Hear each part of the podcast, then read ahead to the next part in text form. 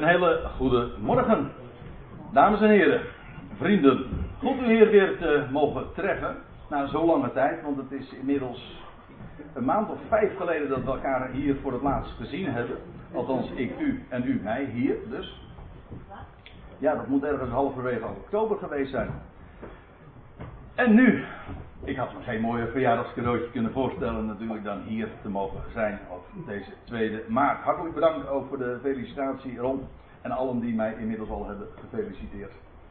Inderdaad, 53 jaar geleden. Ja, zo kun je het ook bekijken, Ton Ik kom net kijken, zegt ze. Ja. En er wacht nog een heel lang leven met allemaal hoofdletters op ons. Geweldig. Ik wil u vanmorgen eens meenemen naar een aantal versen in Romeinen 1. Ik heb het als titel meegegeven. Het klinkt misschien in het Nederlands wat vreemd als ik het zo vraag, maar u ziet het nauwelijks. Helaas, vanwege de verbouwing is het dus de projectie niet optimaal. Maar goed, wellicht kunt u toch een klein beetje onderscheiden. De titel is Kent u de God? En vooral dat bepaalde lidwoord de eh, klinkt misschien wat vreemd, maar het is met opzet dat ik het toch zo benoemd heb. En ik zal het u ook toelichten, alleen al vanuit deze passage komt het een aantal keren zo voor. Weliswaar wordt het in het Nederlands dan, vanwege het idioom zoals dat dan heet, weg uh, vertaald. Maar niettemin, zo wordt dat in de Bijbel dikwijls beschreven. Oh, dan wordt er gesproken over de God. Wat betekent het? Dat hij God is. En, nou, daarover valt natuurlijk heel wat te melden. Maar juist vanuit dit gedeelte waar ik u eh, mee naartoe wil nemen, Romeinen 1, is het op een hele bijzondere manier ook te belichten. Laten we eens gaan naar het 18e vers. En in aanvang had ik de eerste versen, die, dat wil zeggen de, eh, de versen die hier direct aan vooraf gaan, ook willen bespreken. Daar staat in mijn Bijbeltje boven de kern van de brief. Met de bekende woorden, want ik schaam mij het evangelie niet. Of eigenlijk staat er, uh, want het evangelie beschaamt mij niet. Dat is nog mooi. Dat wil zeggen, het gaat er niet om dat ik de bravoure heb, dat ik me er niet schaam. Nee, dat evangelie is zo krachtig, zo geweldig, zo betrouwbaar, dat beschaamt ons niet. Nou ja, en waarom dat dan niet beschaamt? Het is een kracht Gods. Tot, tot redding voor een ieder die gelooft. Eerst voor de Jood, maar ook voor de Griek. Hoezo? Wel, gerechtigheid Gods wordt daarin geopenbaard. Nou. En dan komt in vers 18 een omslag. Dat wil zeggen, Paulus begint iets, iets nieuws. Hoewel ook dat niet helemaal waar is, want het gedeelte begint met want. Dus het is in feite een nadere toelichting. Maar in ieder geval een nieuwe pericoop in onze Bijbels. En dat begint dan zo. Nou ja, ik geloof dat de, de tekst toch nog redelijk te zien is. Daar staat dit. Want toren van God openbaart zich van de hemel over alle goddeloosheid en ongerechtigheid van mensen. Dat klinkt nou niet echt als een evangelie, een blijde tijding, dat toren van God zich, of verontwaardiging van God, zich van de hemel openbaart. Maar zo staat het er gewoon wel. Kijk, aan de ene kant is het zo dat de Bijbel spreekt, en dat wordt in direct in het voorgaande dus gezegd, dat evangelie is een evangelie omdat gerechtigheid Gods daarin geopenbaard wordt. Dat betekent, God doet recht. Aan wat? Wel, God doet recht aan dat wat hij ooit had aangekondigd, aan zijn belofte. En het evangelie is de, de mededeling, de aankondiging, de, de tijding dat die belofte inmiddels vervuld is. God heeft recht gedaan. God, Gods gerechtigheid is geopenbaard. Dat is geen juridisch begrip. Het betekent dat God betrouwbaar blijft. En doet wat hij zegt en vervult wat hij belooft. Maar aan de andere kant, het is ook zo, Gods toren wordt geopenbaard van de hemel. Dat betekent niet, het gaat, het gaat over de tegenwoordige tijd. Het staat in de, gewoon puur grammaticaal bekijkt, want toren van God wordt geopenbaard van de hemel. Nu, en, maar dan gaat het niet over Gods ingrijpen. God grijpt juist vandaag niet in. Een van de karakteristieken van de hele tijdsperiode waarin wij nu leven is dat God niets van zich laat merken. Dat die toorn van God die zich openbaart van de hemel blijkt niet uit het feit dat hij ingrijpt. Dat zal in de nabije toekomst plaats gaan vinden. Maar die toorn openbaart zich op die wijze, namelijk dat God zich juist distancieert. En dat blijkt ook wel als je namelijk even doorleest. Dat zullen wij trouwens vanmorgen niet meer zien, want ik kom uit bij het 21ste vers en daar laten we het dan maar bij. Maar goed, het gedeelte gaat verder, want als je dan in vers 24, in vers 26, in vers 28 en ook in het navolgende verder leest, dan blijkt dat God de wereld overgeeft. In vers 22 staat, nee, pardon, vers 24 staat, daarom heeft God hen in hun hartstochten overgegeven. Dat wil zeggen, losgelaten. Ga je gang maar. Als, het, als de mens het licht uitdoet, ja, dan wordt het donker en God doet daar niks aan. God distancieert zich daarvan. God is daar inderdaad over verontwaardigd, maar hij verbergt zich daarin. In feite is het dus zo dat als hier staat dat Gods toorn zich openbaart, dan is dat direct verwant aan de waarheid dat hij zich vandaag verbergt. Hij distancieert zich. De wereld kan gewoon zijn gang gaan. Hij geeft de wereld over. En waar komt die toorn van God? Waarover openbaart hij zich van de hemel dan? Nou, dat, we hebben al gezien, dat blijkt uit het feit dat hij de wereld overgeeft, zich daarvan distancieert. Maar dan staat er vervolgens ook waarover Gods toorn zich openbaart. Dat wil zeggen, waarover is hij verontwaardigd? Nou, daar blijkt hij alle reden toe te hebben, want er staat er vervolgens over alle goddeloosheid. En, of letterlijk in het Grieks staat daar het woord oneerbiedigheid. De mens heeft geen eerbied voor God. Voor het hogere, voor dat wat boven hen staat. Dat zullen we straks ook zien. Het gaat hier vooral ook inderdaad over het feit dat de mens God wegredeneert en daaruit blijkt oneerbiedigheid. Maar er staat ook bij en de ongerechtigheid van mensen. Ik vraag me trouwens af of het eigenlijk inderdaad uh, geen parallelisme is en twee keer staat er feitelijk hetzelfde. Want die goddeloze, die oneerbiedigheid, dat is onrecht. Ongerechtigheid van mensen. Mensen doen geen recht aan. Aan hem die te vrezen valt. En dat is dus die goddeloosheid of die oneerbiedigheid. Ze doen geen recht aan elkaar. Ze doen geen recht aan de waarheid.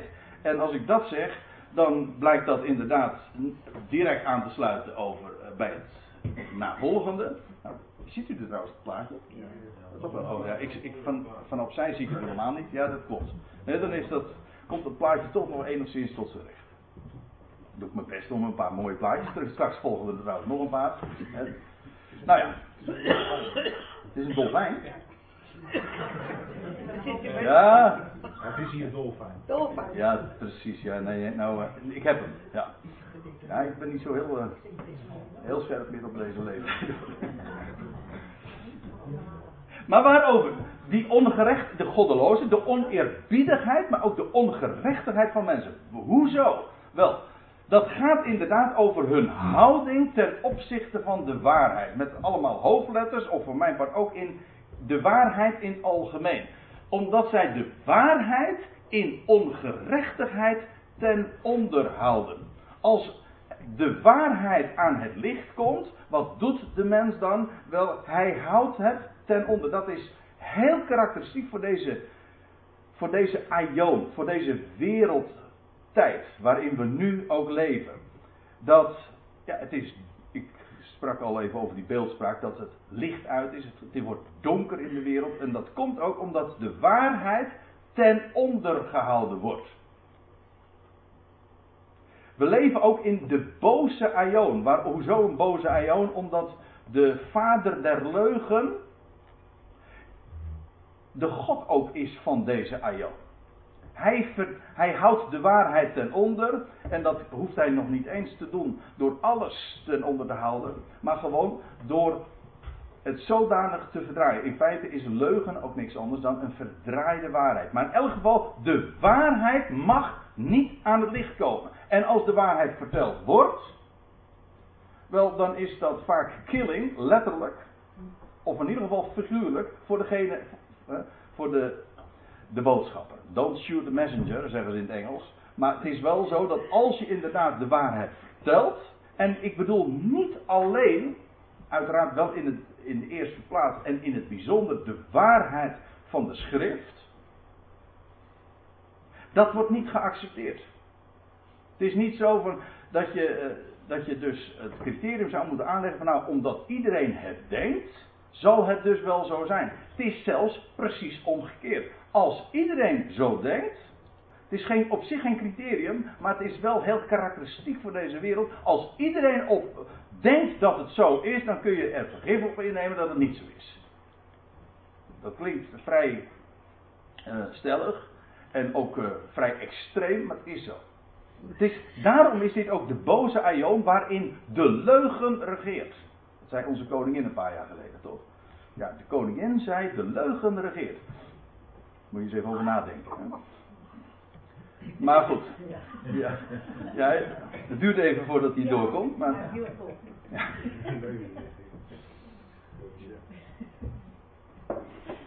Dat is geen aanbeveling voor onze monarchie, lijkt mij. Maar, nou ja, maar het is wel zo.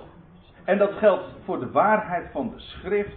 Het geldt ook in de wetenschap. Dingen mogen, de waarheid mag niet gehoord worden.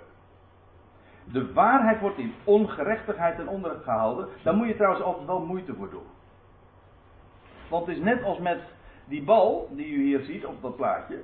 Als je een bal onder water houdt, dat kan. Dat is, dat is op zich geen probleem. Maar je moet er altijd moeite voor doen. De natuurlijke neiging van die bal is namelijk om gewoon weer boven water te komen. Dus met de waarheid ook.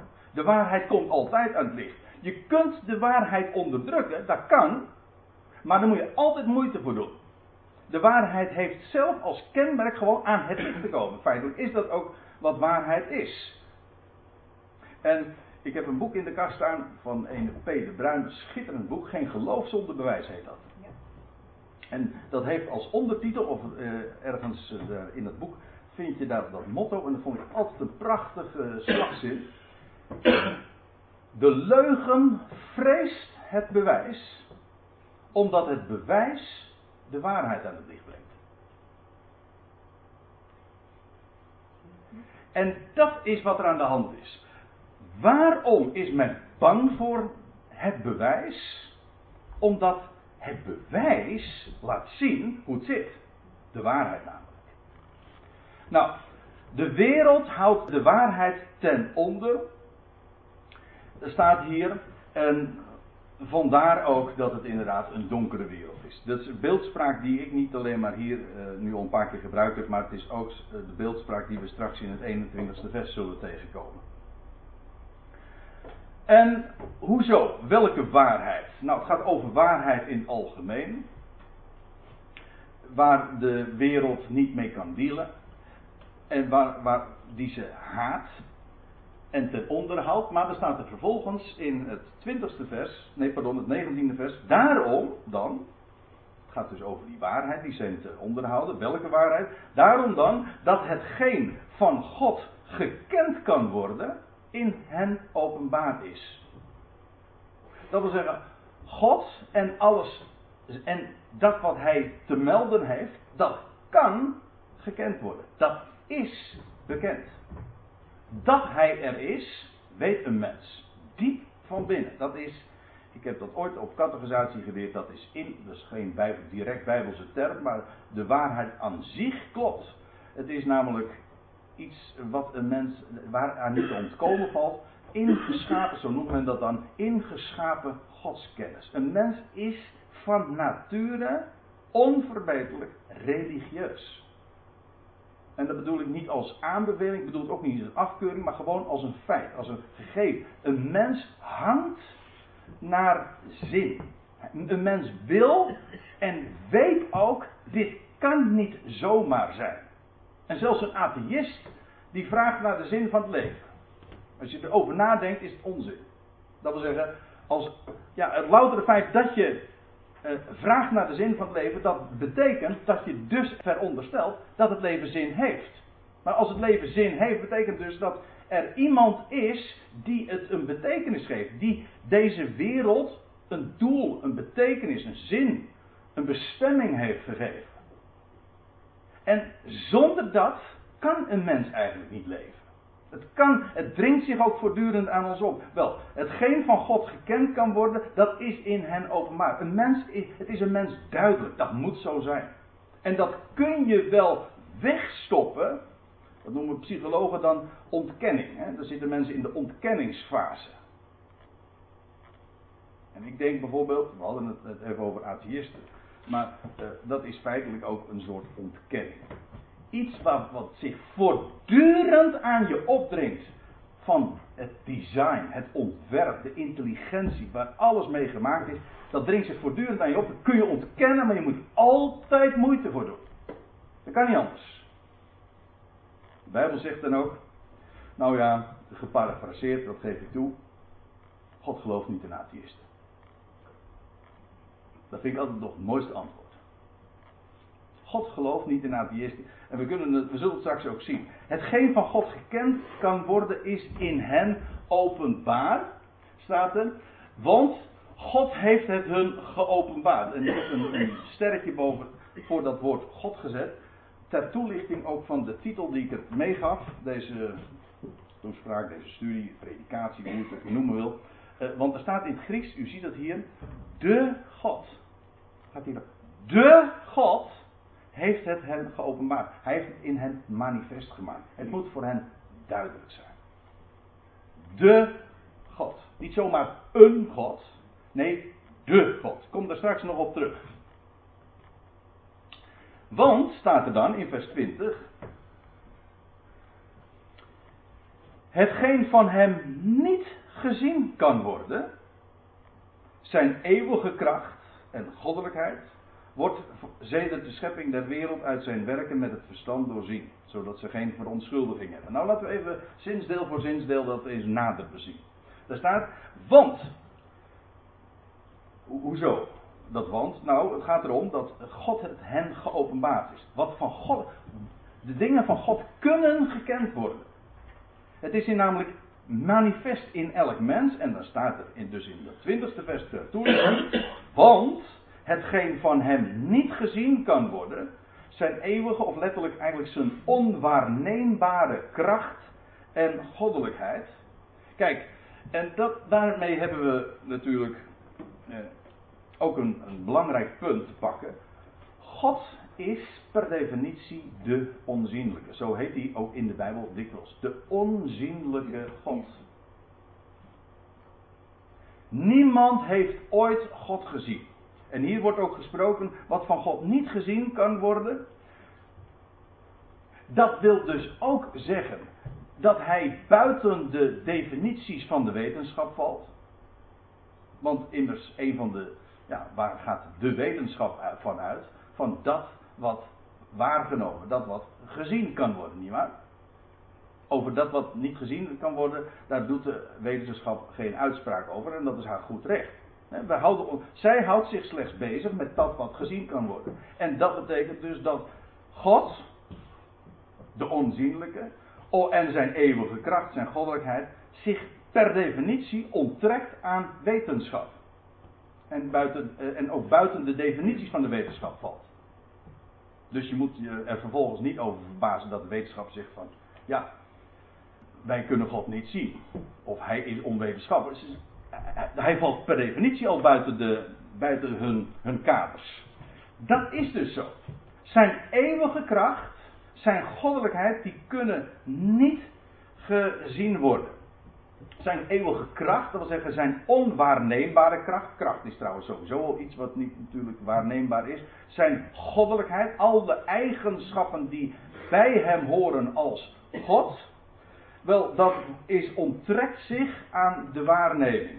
En dan staat erbij, niettemin wordt dat sedert de schepping der wereld, dat wil zeggen vanaf dat deze wereld gemaakt is, uit zijn werken met het verstand doorzien. Dus, hou hem vast, het betekent dat Gods eeuwige kracht, zijn goddelijkheid, dat zijn dingen die niet te waar te nemen zijn en die die niet gezien worden, die dus ook niet door de wetenschap bestudeerd kunnen worden. Maar, staat hier, ze worden vanaf de schepping der wereld uit zijn werken met het verstand doorzien, zodat zij geen verontschuldiging hebben. Dit ziet u waarschijnlijk niet goed. Nou, ik heb er een plaatje bij gezet van een strand met voetstappen. En waarom heb ik dat, dat beeld ervoor gebruikt? Kijk, als jij aan het strand loopt en je ziet daar voetstappen, dan weet je één ding en dat is iemand heeft daar gelopen. Toch?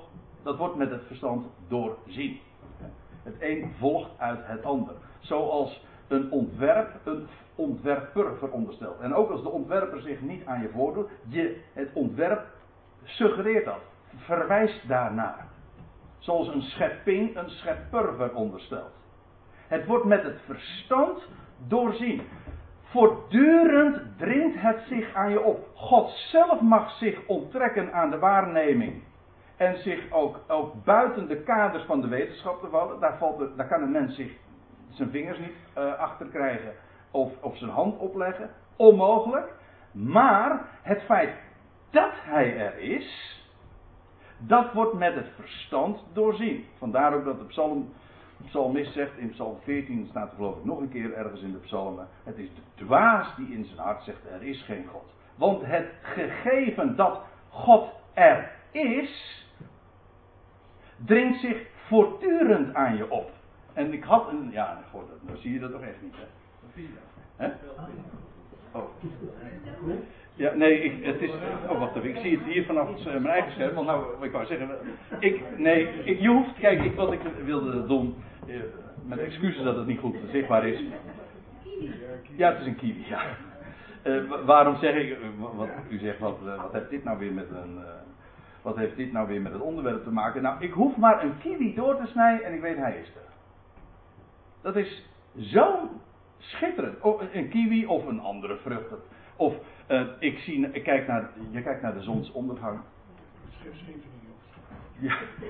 Nee, het, het is een. Nee, palmen hebben wij nog niet. Je ziet een zonsondergang of een zonsopgang. En dat het zo, zo enorm kan imponeren. Hoe geweldig dat is. Maar uh, wat dacht u? Uh, je kijkt naar een passiflora bloem dat eens ooit gedaan? En weet je wat je daar, heel, uh, wat je daar zou moeten doen? Pak eens een loop erbij. Kijk eens naar de details. En hoe meer details je ziet en hoe meer je gaat inzoomen, hoe wonderlijker het wordt. En dan hoe dat alles samenspeelt, samenspeelt en hoe het alles samenvalt en samenwerkt. Dat is, dat is een godswonder. Voortdurend word je daarbij bepaald. En ik heb hier een plaatje van een bij. Met die, met die grote ogen, maar dat zijn, dat zijn allemaal weer afzonderlijke ogen. Hoe dat waar kan nemen en hoe dat vliegt. Het is, het is allemaal een godswonder. Ja, ik geef zomaar, ik geef toe, het is volstrekte willekeur, want je kan. Zoom op iets in in de schepping en hoe meer je inzoomt, hoe meer details je ziet, dat bedoel ik te zeggen, hoe meer je ziet, wauw, hoe geweldig. Ik nog niet zo lang geleden las ik een artikel dat ging over het eenvoudigste voor, uh, de eenvoudigste vorm van leven. Een amoebe, een eenzellig wezen. Hoe, als je dat in digitale termen weergeeft, dan kwam het erop neer dat de, de, de DNA-informatie, als je dat dus uh, in computertermen zegt, dat, zou, dat is 125 gigabyte aan informatie. Het meest eenvoudige vorm van leven. Een eencellig ding dat je niet met bloot oog onmogelijk kan zien. 125 gigabyte. Ja, sommige mensen zeggen dat helemaal niks, maar eh, dat is echt heel veel hoor, dat kan ik u vertellen. Dat is ongelooflijk veel. Het, wat ik hiermee wil zeggen, zijn eeuwige kracht en goddelijkheden worden niet, worden niet gezien, maar wordt uit zijn werken met het verstand doorzien, zodat Waar je ook je ogen naartoe richt. En ik kan u nog wel een aantal. Het is een vlinder. Of je kijkt naar de, naar de, naar de verschijnselen van het weer. Eh, de onweer en de bliksem. Je kijkt naar boven. Ik, dat mag ik zelf al graag doen. Als het dan donker is en het is een heldere hemel. Je kijkt naar boven naar de sterrenhemel. ongelooflijk. Wat geweldig. Als dat dat alles zo bedacht is. Dat is een godswonder. Dit is een plaatje van de diepzee. Ik heb ooit een keer, al jaren geleden, maar dat ik naar de Rode Zee ging. En dan deed ik niet liever dan Eilat. Bij Eilat dan ging je, elke dag ging je naar de Coral Beach. En dan mocht, kon je je hoofd zo onder het wateroppervlak steken. En je hebt een duikbril. En je ziet een wonderlijke wereld. Dat is onvoorstelbaar. En je zou zeggen dat dat bestaat niet. Dat kan niet. Nee, maar het is er. Het, het dringt zich aan je op. Het is een ander plaatje. Dat gaat over ongeboren leven. En hoe, hoe een kind zich in de moederschoot ontwikkelt. En bij de aanvang van de negen maanden twee cellen. Een zaadcelletje en een eicel bij elkaar komen. Hoe is het godsnaam mogelijk? En dat negen maanden later een kind ter wereld komt. Dat zijn wonderen. Als je dat niet ziet, ben je stekenblind. Dat zijn wonderen. Het wordt met het verstand doorzien. Je hebt geen verstand als je dat wegredeneert. Ik weet het, er zijn er zeer geleerde mensen, grote wetenschappers die het ontkennen, maar ze zitten in de ontkenningsfase. Voortdurend moeten ze de waarheid wegstoppen. Want wat ze ook bestuderen, ze worden er voortdurend aan herinnerd dat er een God is. Ik bedoel, als jij je gaat naar Schiphol toe en je, ziet een zo'n Boeing opstijgen. En je wauw, knap zeg dat ze dat hebben bedacht. Want daar komt wat bij kijken hoor, om zo'n ding de lucht in te krijgen. Of je kijkt naar een uurwerk. Dat is wat oudere techniek, maar je doet zo'n zo'n horloge doe je open of een klok. Nou, daar is echt over nagedacht. Dat is ontwerp. Ja, dit zijn plaatjes van muziek. Het is trouwens wel mooi, misschien mag ik dat er even bij zeggen. Want muziek, ik las. Uh, nee, het was uh, een week geleden dat ik een, een, een film, een YouTube-filmpje zag van een dame, de oudst overlevende die, van de Holocaust. Die is uh, een week geleden vandaag precies overleden. Ze was 110 jaar geworden en zij was een, een zeer begaafde muzikant, een pianiste, een, een Joodse vrouw een wonderlijke vrouw, maar ze, die stond zo dankbaar in het leven. Alles was een wonder, alles was een wonder. Maar wat, zij, wat haar imponeerde, zegt: muziek is God. Nou neem ik die woorden niet direct over, maar ik begrijp wel wat ze zegt. muziek, en dan had ze het over Chopin en over Bach. Dat is wonder, dat staal van de andere kant. Ja, waarom? Als je een muziekstuk hoort, denk je van dit is zo knap, zo een meesterwerk. Maar het, het bepaalt ons ook bij de oorsprong en bij onze bestemming. Het, eh, muziek, dat, dat, dan denk je, daar kun je zo stil van worden. En bepalen bij wie God is. En denken van ja. Ja, waarom? Omdat in een muziek mineur en majeur. De min en de plus. De negatieve, de positieve. Het wordt alles in één grote harmonie gebracht. Het, is, het bepaalt je bij het feit dat alles één grote compositie is. Een mens heeft daar hang naar. Een mens wil dat. Een mens gelooft. Het kan niet anders. Er moet zin zijn.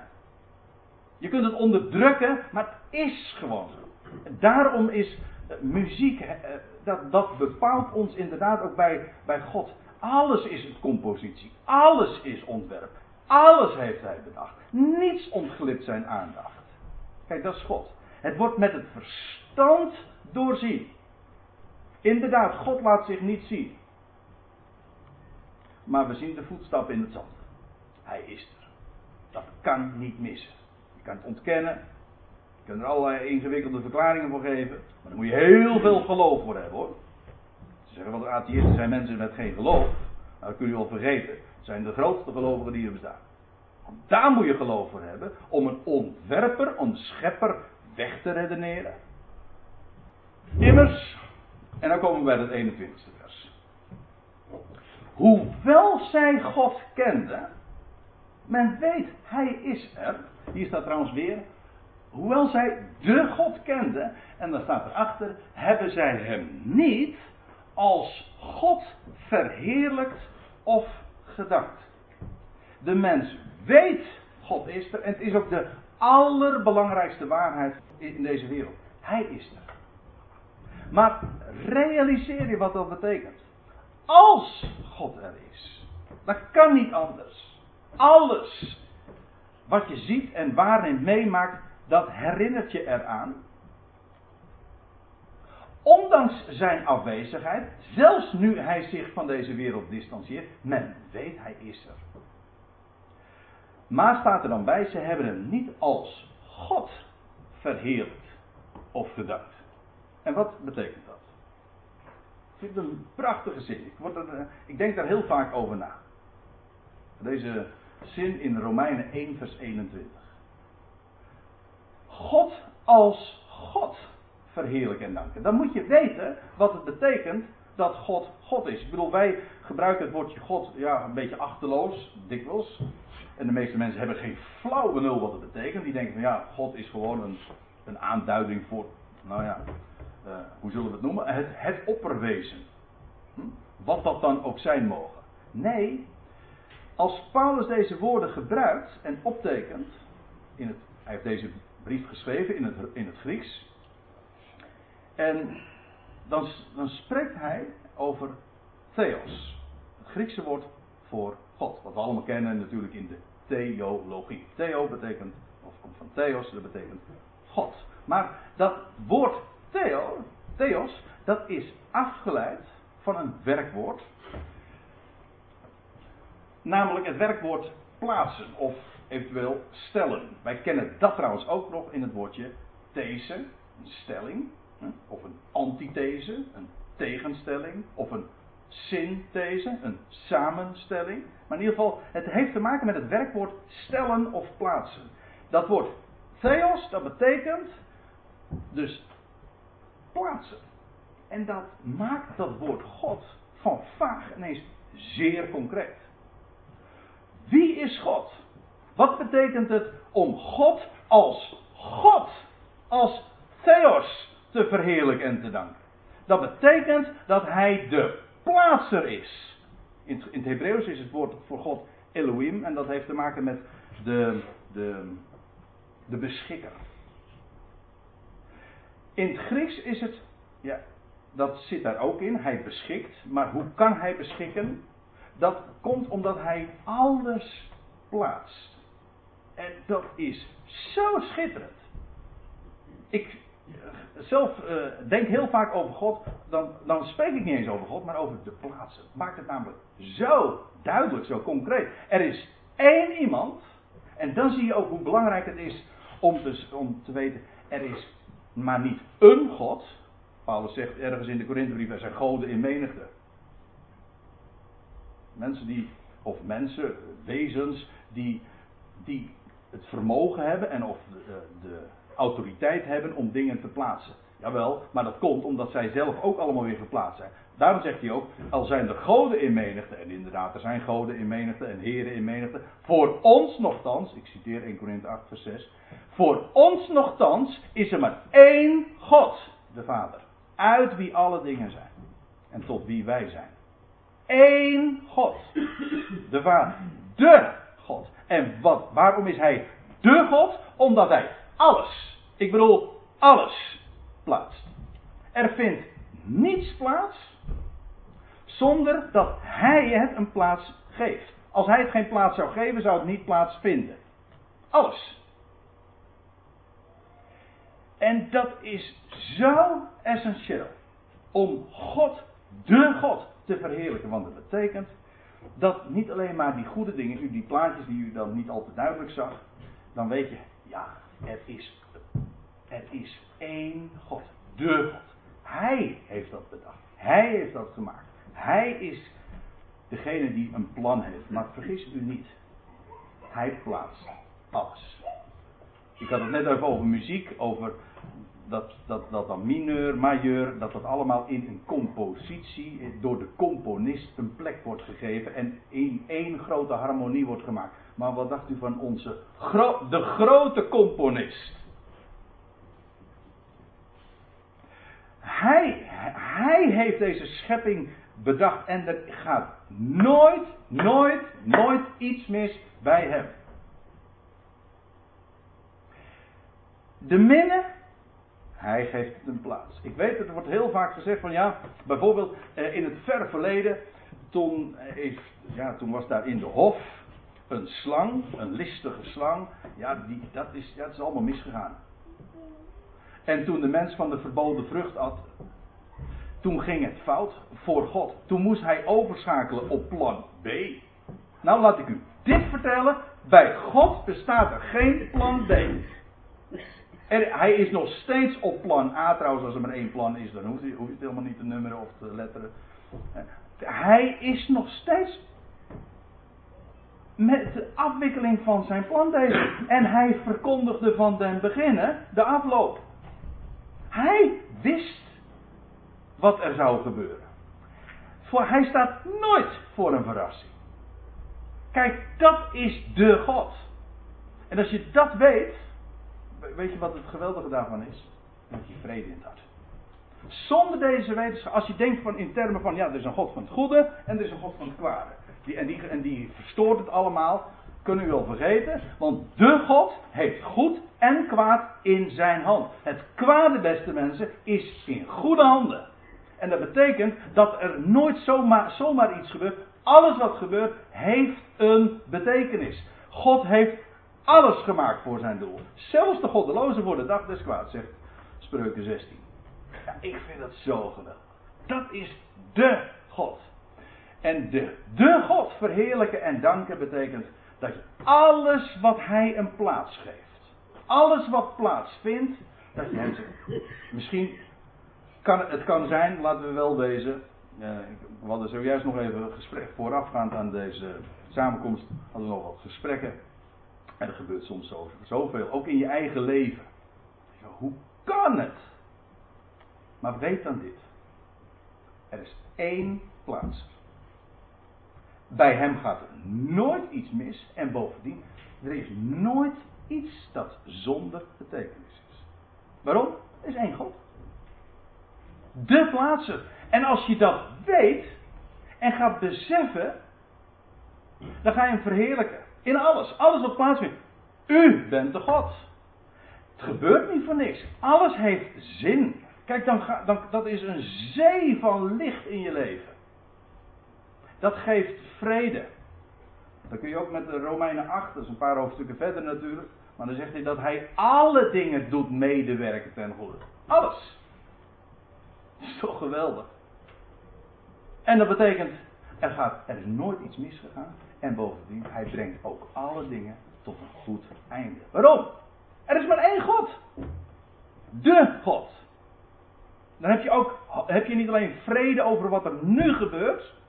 Bij alle moeite hoor. Ik wil de tranen helemaal niet wegwuiven. Ik wil alleen maar dit zeggen. Er is één God, een plaatser. En hij geeft alles een bestemming. Hij beschikt. Ja, ik vind het geweldig. En alles, alles, dat moet wel, want er is één God. Hij brengt alles daar waar hij het hebben wil. En dat is onovertroffen. Zo geweldig. Dat is de God. De plaatser, de beschikker. Maar omdat ze hem niet als God hebben verheerlijkt of gedankt, uh, zijn hun overleggingen, staat er dan, of hun, ja, in het Grieks staat er een woordje dat, wat nog weer te maken heeft met ons woordje dialoog, doorredeneringen.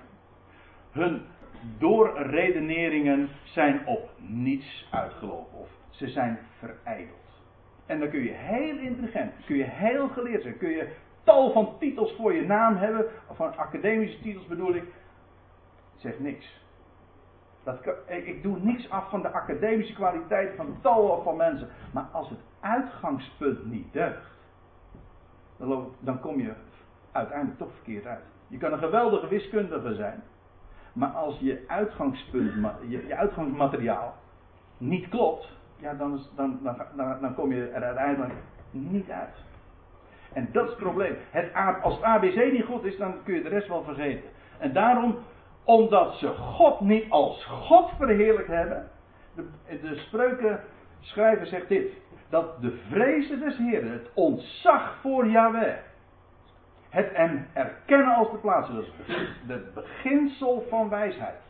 Daar begint wijsheid. Als je daar dus niet begint, dat betekent dus dat je redeneringen op voorhand gedoemd zijn volkomen verijdeld te worden. Op niets uit te lopen. staat daarom ook in 1 Corinthië 3 dat hij de redeneringen van de wijze, niet van de dwazen, nee, juist wijzen kunnen heel goed redeneren, dat hij de redeneringen van de wijze verijdelt. Waarom? Omdat ze God niet als God verheerlijken en danken. Daarom, Hij is de God. En dan lopen al die redeneringen op niets uit. En er staat er ook nog bij, en dan eindigt het vers. En is, het, en is het donker, duister geworden in hun onverstandig hart. Het is onverstandig. Je gebruikt je verstand niet. Dat wat zich voortdurend je, aan je, je toeschreeuwt als een toeter van er is een ontwerper, er is een schepper. Erken dat nou. Maar als je dat wegstopt, de waarheid in ongerechtigheid ten onderhoud, weet je wat het dan is? Onverstandig, maar het wordt bovendien duister. Het wordt donker in je onverstandig hart. Ook koud. Weet je wat duister ook betekent? Dat je het niet meer ziet. Dat je de verschillen niet meer ziet. De rest van dit hoofdstuk laat ook zien, dan ga je de verschillen niet meer zien tussen de seksen, bijvoorbeeld. De mannelijk en vrouwelijk. Dan ga je het allemaal door elkaar halen. In deze donkere wereld leven we. We weten helemaal niet meer wat mannelijk, vrouwelijk betekent. Dat mannelijk verwijst naar de schepper en het vrouwelijke verwijst naar de schepping. Maar ja, als je de schepper hebt weggeredeneerd, wat is het gevolg ervan? Dat je ook dat niet meer ziet. Je kunt het niet meer onderscheiden. Het wordt donker. En weet je wat het trouwens ook betekent? Zo zeggen we het ook, als het donker is. Donker van dingen. Dan zeg je, ik zie het niet meer zitten. Nee. Nee, dat is niet zo gek. Als je het licht uitdoet, dan, wordt, dan zie je niet meer zitten. Maar als je God als God verheerlijkt, beste mensen.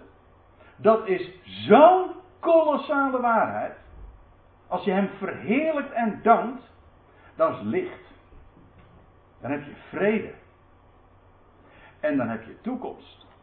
Dan heb je vreugde. Alles plaatst hij. God.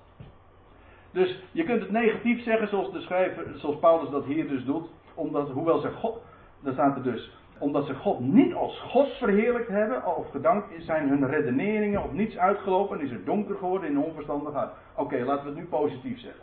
Als je God als God wel verheerlijkt, dus hem als de plaatser ziet en hem zo verheerlijkt, dag in dag uit en dankt. Niet alleen voor de goede, maar ook voor de kwade dingen. Zouden we het goede uit Gods hand nemen, ontvangen en het kwade niet? Zegt Job. Hij heeft toch alles in de hand? Dat gebeurt toch nooit bij, zomaar bij toeval of bij verrassing iets? Ja, voor ons wel, maar bij hem niet. Maar als we hem als God verheerlijken, als de plaatser, dan wordt het. Denken wordt dan zuiver. Je zult de waarheid verstaan en het licht in je verstandig hart. Het is precies het tegenovergestelde. Dan word je een lichtje in de donkere wereld.